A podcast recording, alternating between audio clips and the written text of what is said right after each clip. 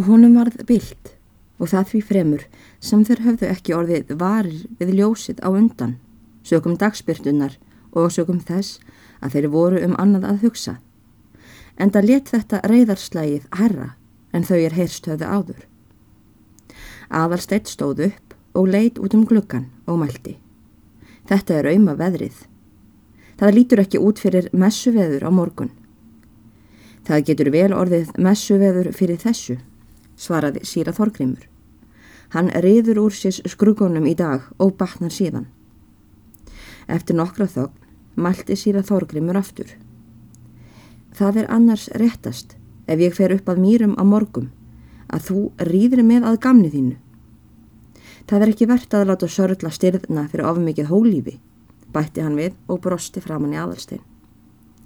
Ég held að þér ættuðu nú heldur að rýða honum en ég, svaraði hann. Þér hafið meira með það að gera. Það er ekkert fyrir þig að ríða honum núna, svaraði síra Þorgrymur. Um þetta leiti eru hestar ekki fjörugir um of, en í vetur, þegar hann hefur tekið eldinu, þá vil ég heita honum því að hann skal fá að sprikla hérna á flóunum, bæði upp að mýrum og nefur að ásum. Þessi orð mælti síra Þorgrymur og brosti við. Í þessu byli er lokið upp húsörðinni og prestskonan Yngibjörg af nafni skúladóttir sínir sig á þröskuldinu. Yngibjörg er smá kona vexti. Þótt hún standi aðeins á þrítjógu og ekki sé aldurinn herri, er þó þessi kona fyrir gengileg mjög. Hið fagra, dökkjarpa hár sem henni næri í beltistað er farið að þinnast og um yfirlit hennar verður ekki sagt frekara en svo hún hefur verið fríð sínum. Svo daburt og þreytulegt er þetta andlet orðið fyrir tíman. Hún hefur dökkblá augu, er stundum verða nokkuð svo hvers og í kinnunum markar þegar fyrir rákum. Svipurinn er þó stillilegur og fasið látlust. Þegar hún hefur opnað hurðina segir hún aðeins þetta. Allarðu ekki að farað koma inn? En síra Þorgrimur svarar án þess að líta við. Jú, ég kem en þessi spurning og þetta svar voru framborin með einhverjum keim svo alvarlegum og undarlegum að aðalstinn sem stóð úti við gluggan fann til þess gluglega. Síra Þorgrimur hafði verið að brosa rétt áður en andlit hans breyttist óðara en hurðinni var lokið upp og ekki var ávarpið síður einkennilegt en svarið. Hjá æskumanninum kemur tilfinningin í stað skarpskegninnar en tilfinningin er stundum svo næm að hún verður að viðsjálustu skarpskegni ef ungningurinn er að öðru leiti gáfaður vel og eftirtektarsamur. Þetta sannaðist hér. Aðalsteini fannst svo mikill kuldi anda út úr þessu stutta samtali hjónanna að hann gati ekki gjört sér það skiljanlegt. Hann bar saman við þetta fáinn smá atvökk önnur sem höfðu komið fyrir um sömarið á milli þessara hjóna og það við slíkt tækifæri er þau hugðu sig einsumul eða að minnstakosti forðauðust ekki návist aðalsteins.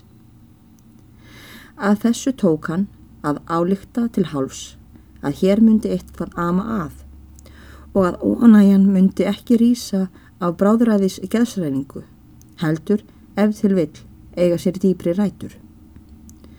En mjög var þetta hugbúð hans óljóst fyrir að engan mann hafði hann hirt ymbra á því að ósamlendi væri með hjónum þessum, því síður að nokkur tíma leti öðru herra hjá þeim, þann tæpa misseris tíma sem aðalsteinn hafði dvalið á hofi.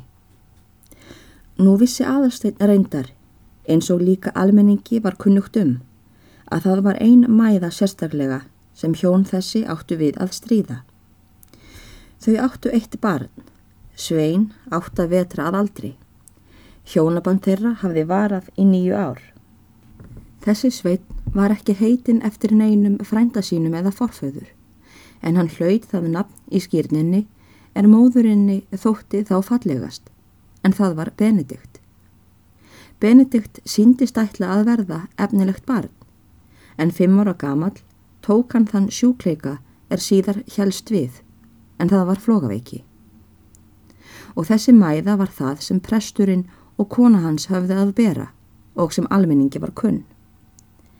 En ekki þóttist aðalstein geta fundið neitt samband á milli þessarar mæðu og þeirra smáatvika sem hann hafði verið vottur að og því litist hann til óljósrar hugsunar um það að þau atvik myndu eiga sér aðra og ef til vill dýpri rót heldur en þá reynslu er sjúkdómur barnsins hafði í förmið sér. Þetta var honum farið að koma til hugar, hvort sem það var nú rétt skoðað eða ekki. Að því er snertir aðrar ástæður þessara hjóna, þá er þess að geta að þau voru fyrir nýja árum komin í sveit þessa, settu þegar undir sig slikt bú sem í jörðin bar og var ekki að sjá að hann eitt skorti, korki innan hús niður utan. En það var í mæli að síra Þorgrimur myndi eiga jarðargós að mun. Engin vissi gjörla hver mikið. Í hér aðinn okkur langt burtu, þaðan sem hann var ættaður og upprinnin.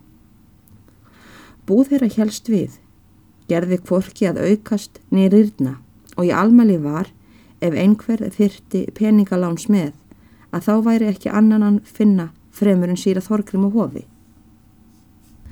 Aðalstein stóð hér frammi fyrir leindardómi en gati ekki lift þeirri hölu sem yfir honum lág. Hann hafði þetta ekki á orði við nokkurt mann, svo vel var hann viti borin, en það síndist ekki mikið vera um að það tala.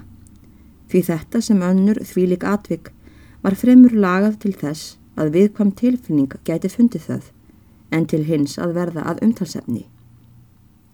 Þegar er síra Þorgrimur hafði svarað konu sinni Þá fór hún burt þegjandi og let aftur hörðina. Rétt og eftir stóð hann upp og gekk út og þeir báður og sneru síðan til hægri handar inn göngin. Leið þeirra lág fyrir eldurstyrnar og ef þeir hafa eftirtektina með sér þá geta þeir nú heyrt innan úr eldúsinu raulaða vísuna Veröldin er vond og leið. Og vilji lesarin líta þar inn þá getur hann séð kvennmann, er setru við hlóðarsteinin, ræir áfram og rekur upp nýprjónaðan sokk, en vindur jafn áðum bandið í nýkil.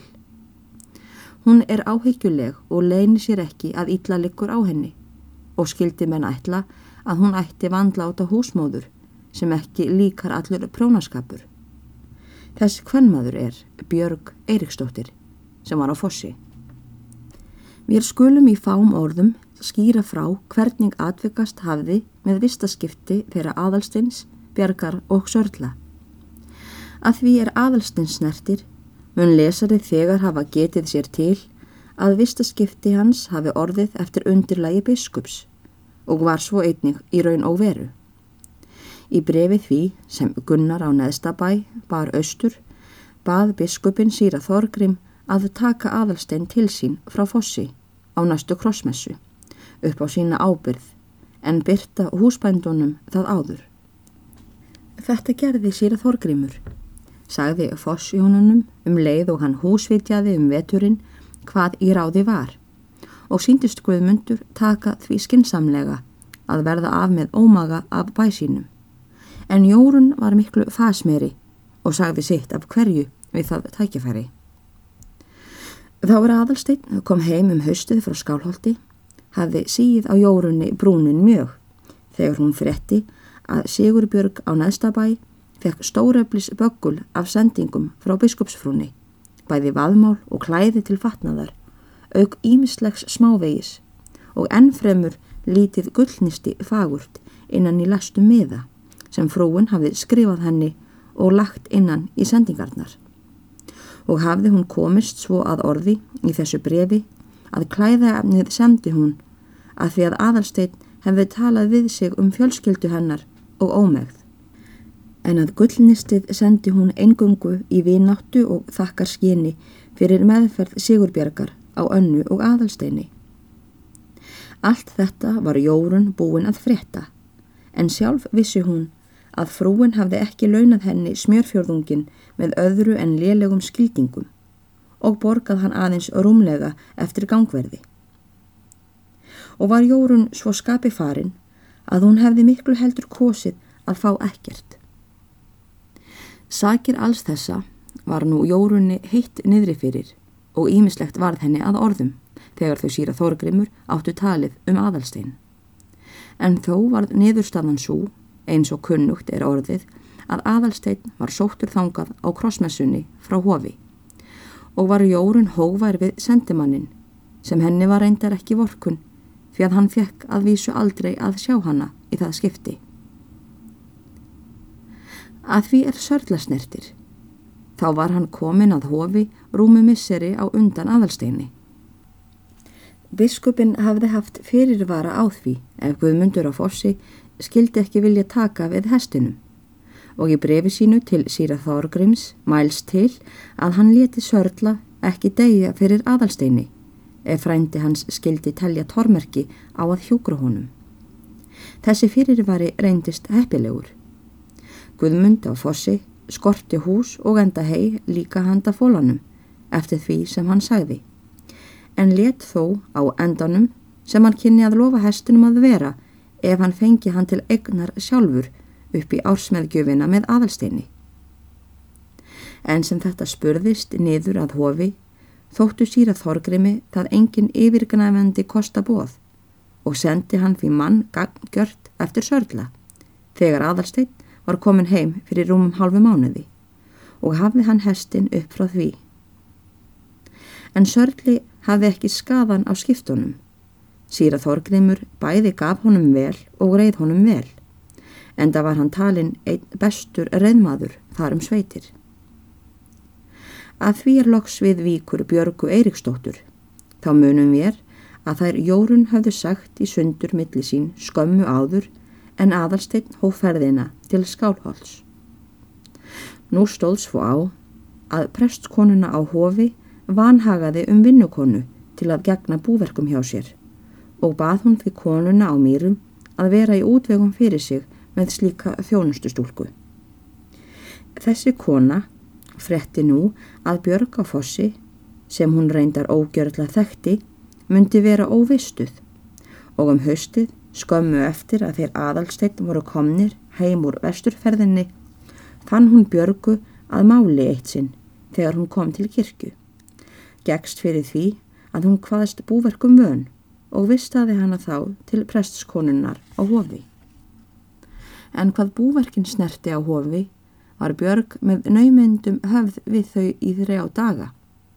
Síðan fekk hún hjá prestkonunni laust í náð frá þeim starfa.